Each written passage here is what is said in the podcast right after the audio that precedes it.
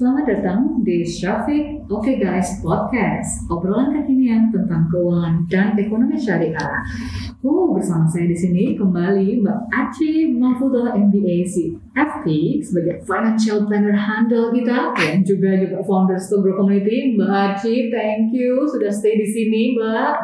Thank you Mbak Jen. Mbak Aci nih, kemarin kita ngobrolnya Duh, PR-nya jadi membuka pemikiran saya kan nggak bisa tidur, Mbak. Tujuh hari tujuh malam ini nemenin Bang Toyib ini ya.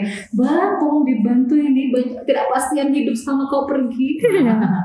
Baiklah teman-teman ya, nanti bersama saya dan Kartika Rajan sebagai host di acara ngobrol santai kita. Mbak tolong Mbak kita kulik permasalahannya aja Mbak. Gimana nih mencapai kemapanan di situasi yang tidak menentu. Pendapatan apalagi nggak menentu.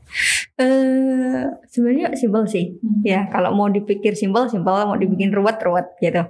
Tapi yang paling penting kita harus tahu masalah kita sejujurnya seperti apa. Hmm. Gitu. Masalah finansial itu Hmm. bukan hal yang harus ditutupi, justru semakin terbuka semakin banyak alternatif yang bisa kita lakukan ya untuk bisa menyelesaikan permasalahan finansial kita. Alternatif solusi ya mbak tapi Iya. harus diakui dulu masalah gitu ya mbak ya. itu selalu saya sampaikan juga dengan teman-teman si forum gitu ya masalah jangan dihindari atau disembunyikan di bawah karpet ya mbak ya. diakui dulu jujurlah padaku gitu ya mbak Aci ya jadi memang mengakui permasalahan mbak Iya. oke Jadi dengan permasalahan itu kita deal with ourselves gitu ya. Hmm. Kemudian take action. Nah, take action biasanya kan pasti dengan strategi, Hmm. dengan alternatif plan A, plan B, plan C. Jadi perencanaan keuangan kita juga tidak ngomong satu pasti sukses. No. Hmm. Karena kan yang menggaransi rencana kita sukses kan tidak ada gitu. Iya, Mbak ya. Tapi ya kita sendiri sebenarnya Betul. ya, apakah mau benar-benar menyelesaikan masalah tersebut mencari Iya. strategi terbaik. Kalau misalnya kita memilih di antara banyak opsi ya Mbak Iya. untuk memilih strategi terbaik atau mungkin merencanakan kemapanan finansial dari berbagai tools yang ada ya Mbak ya, mau itu dari berbagai opsi yang syariah gitu ya, Hmm. atau mungkin tools di uh, konvensional atau mungkin seluas apa sih kita harus menimbang alternatif yang ada. Eh jadi eh, kalau syariah or konvensional itu sebenarnya prinsip ya.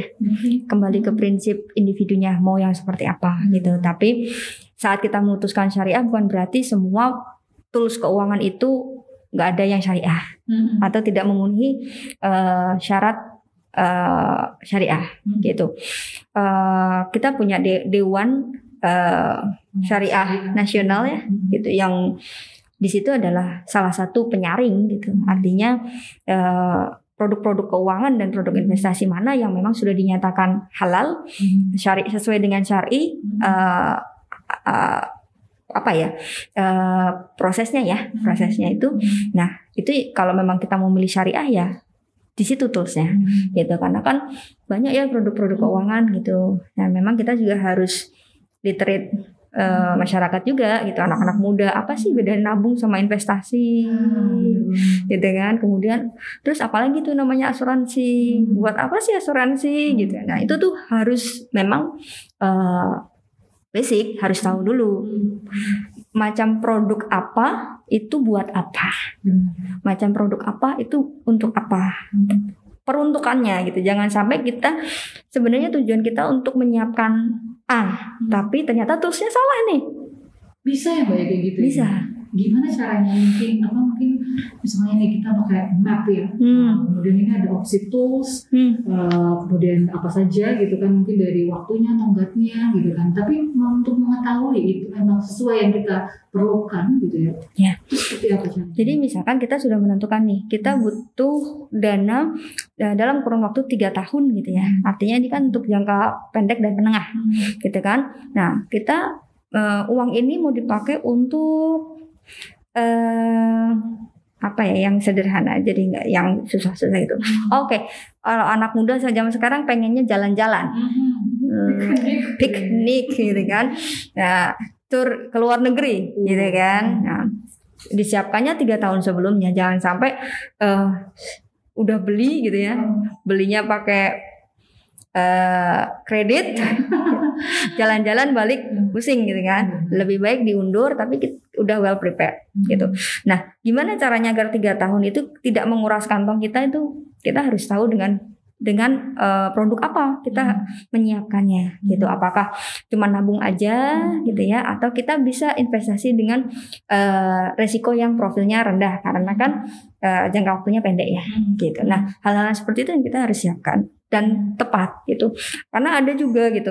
Dia pengennya eh, persiapan untuk terutama yang paling sering adalah dana pendidikan. Nah, oh di podcast kita sebelumnya Mbak. Oh. Mbak Cini sudah menyampaikan apa yang menggelegar dengan pendidikan di Jogja terutama yang harus disiapkan. Kenapa itu separah apa sih kita Bukan, sebenarnya bukan se- separahnya gitu. Tapi jangan sampai kita salah mengambil produknya Oke. gitu karena saat kita salah mengambil produknya kita kehilangan dua hal Hmm. kehilangan nilainya Hmm. pasti yang kedua kehilangan waktunya Oke. Padahal anak itu kan memang eh, pendidikan adalah kebutuhan tadi ya needs ya, salah satu needs lah. Itu yang harus kita cukupi gitu. Sehingga eh, kalau sampai kita waktunya mepet, ternyata butuhnya besar gitu ya. Sedangkan toolsnya salah Hmm. gitu harusnya ini jangka panjang gitu ya. Dia menggunakan jangka pendek atau justru mengalihkan ke eh, produk yang lainnya gitu ya. Produk insurance misalkan. Nah itu harus kenali dulu nih kenapa pertimbangannya adalah produk insurance. Harus tahu dulu kena, eh, resikonya produk insurance itu ada di mana gitu. Karena banyak case yang seperti itu relevan banget mbak. Kebetulan saya di FEBUG kan nih mbak. Saya di kelas saya kan kelas fraud ya, forensic accounting and fraud examinations. Di saat yang sama saya juga ini ngajarin akuntansi syariah. Tapi sebenarnya literasi keuangan, terutama matching, ya harusnya jangka pendek itu ya benar-benar harus match dengan jangka pendek. Mungkin dengan jangka panjang juga itu juga harus kita kenali ya mbak. ya. Iya. Jadi kita sendiri sebenarnya bertanggung jawab untuk belajar tadi ya mbak. Iya. Pelajari produk-produknya kenali ya kalau bisa eh, ya apa ya nggak cuma PDKT ya justru Hmm. collaborate dengan produk itu gitu Benar. kita benar sih udah sejiwa nih dengan produk ini Hmm. kalau bisa udah sampai titik itu agar kita tidak kehabisan waktu Hmm. dan nilai Hmm. karena kan nilai saat eh, Hmm. nilai saat ini akan berbeda dengan nilai lima tahun yang akan datang atau bahkan 10 tahun yang akan datang Nah, tapi kita eh, caranya memprediksi nilai atau kita mencari kewaspadaan kita atau kehati-hatian kita, aspek prudensialnya kita itu harus sejauh mana sih Mbak, kita menimbang itu? Misalnya tadi menimbang mana opsi asuransi, Iya. asuransi pendidikan misalnya. Iya. Sejauh mana kita harus benar-benar laying our eggs ini ya, opsi itu disebar gitu Mbak.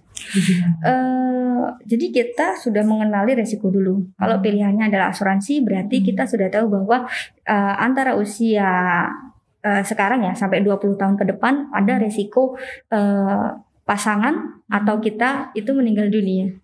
Ya, karena dalam prinsip asuransi kan itu akan cair ya Hmm. kalau terjadi resiko itu gitu loh. Nah kita kan harus mengidentifikasi gitu dari mana? Dari keturunan. Ya ada Check up tadi itu ya Eh, check up. Kalau kalau eh, asuransi lebih ke kesehatan ya. Iya. kesehatan artinya gini punya riwayat penyakit apa kemudian eh, histori keluarga itu Eh, banyak yang eh, meninggal di usia muda atau usia yang eh, tua. Nah dari situ kita bisa eh, apa menilai bahwa benar nggak sih kita tepat nggak sih membeli produk insurance gitu.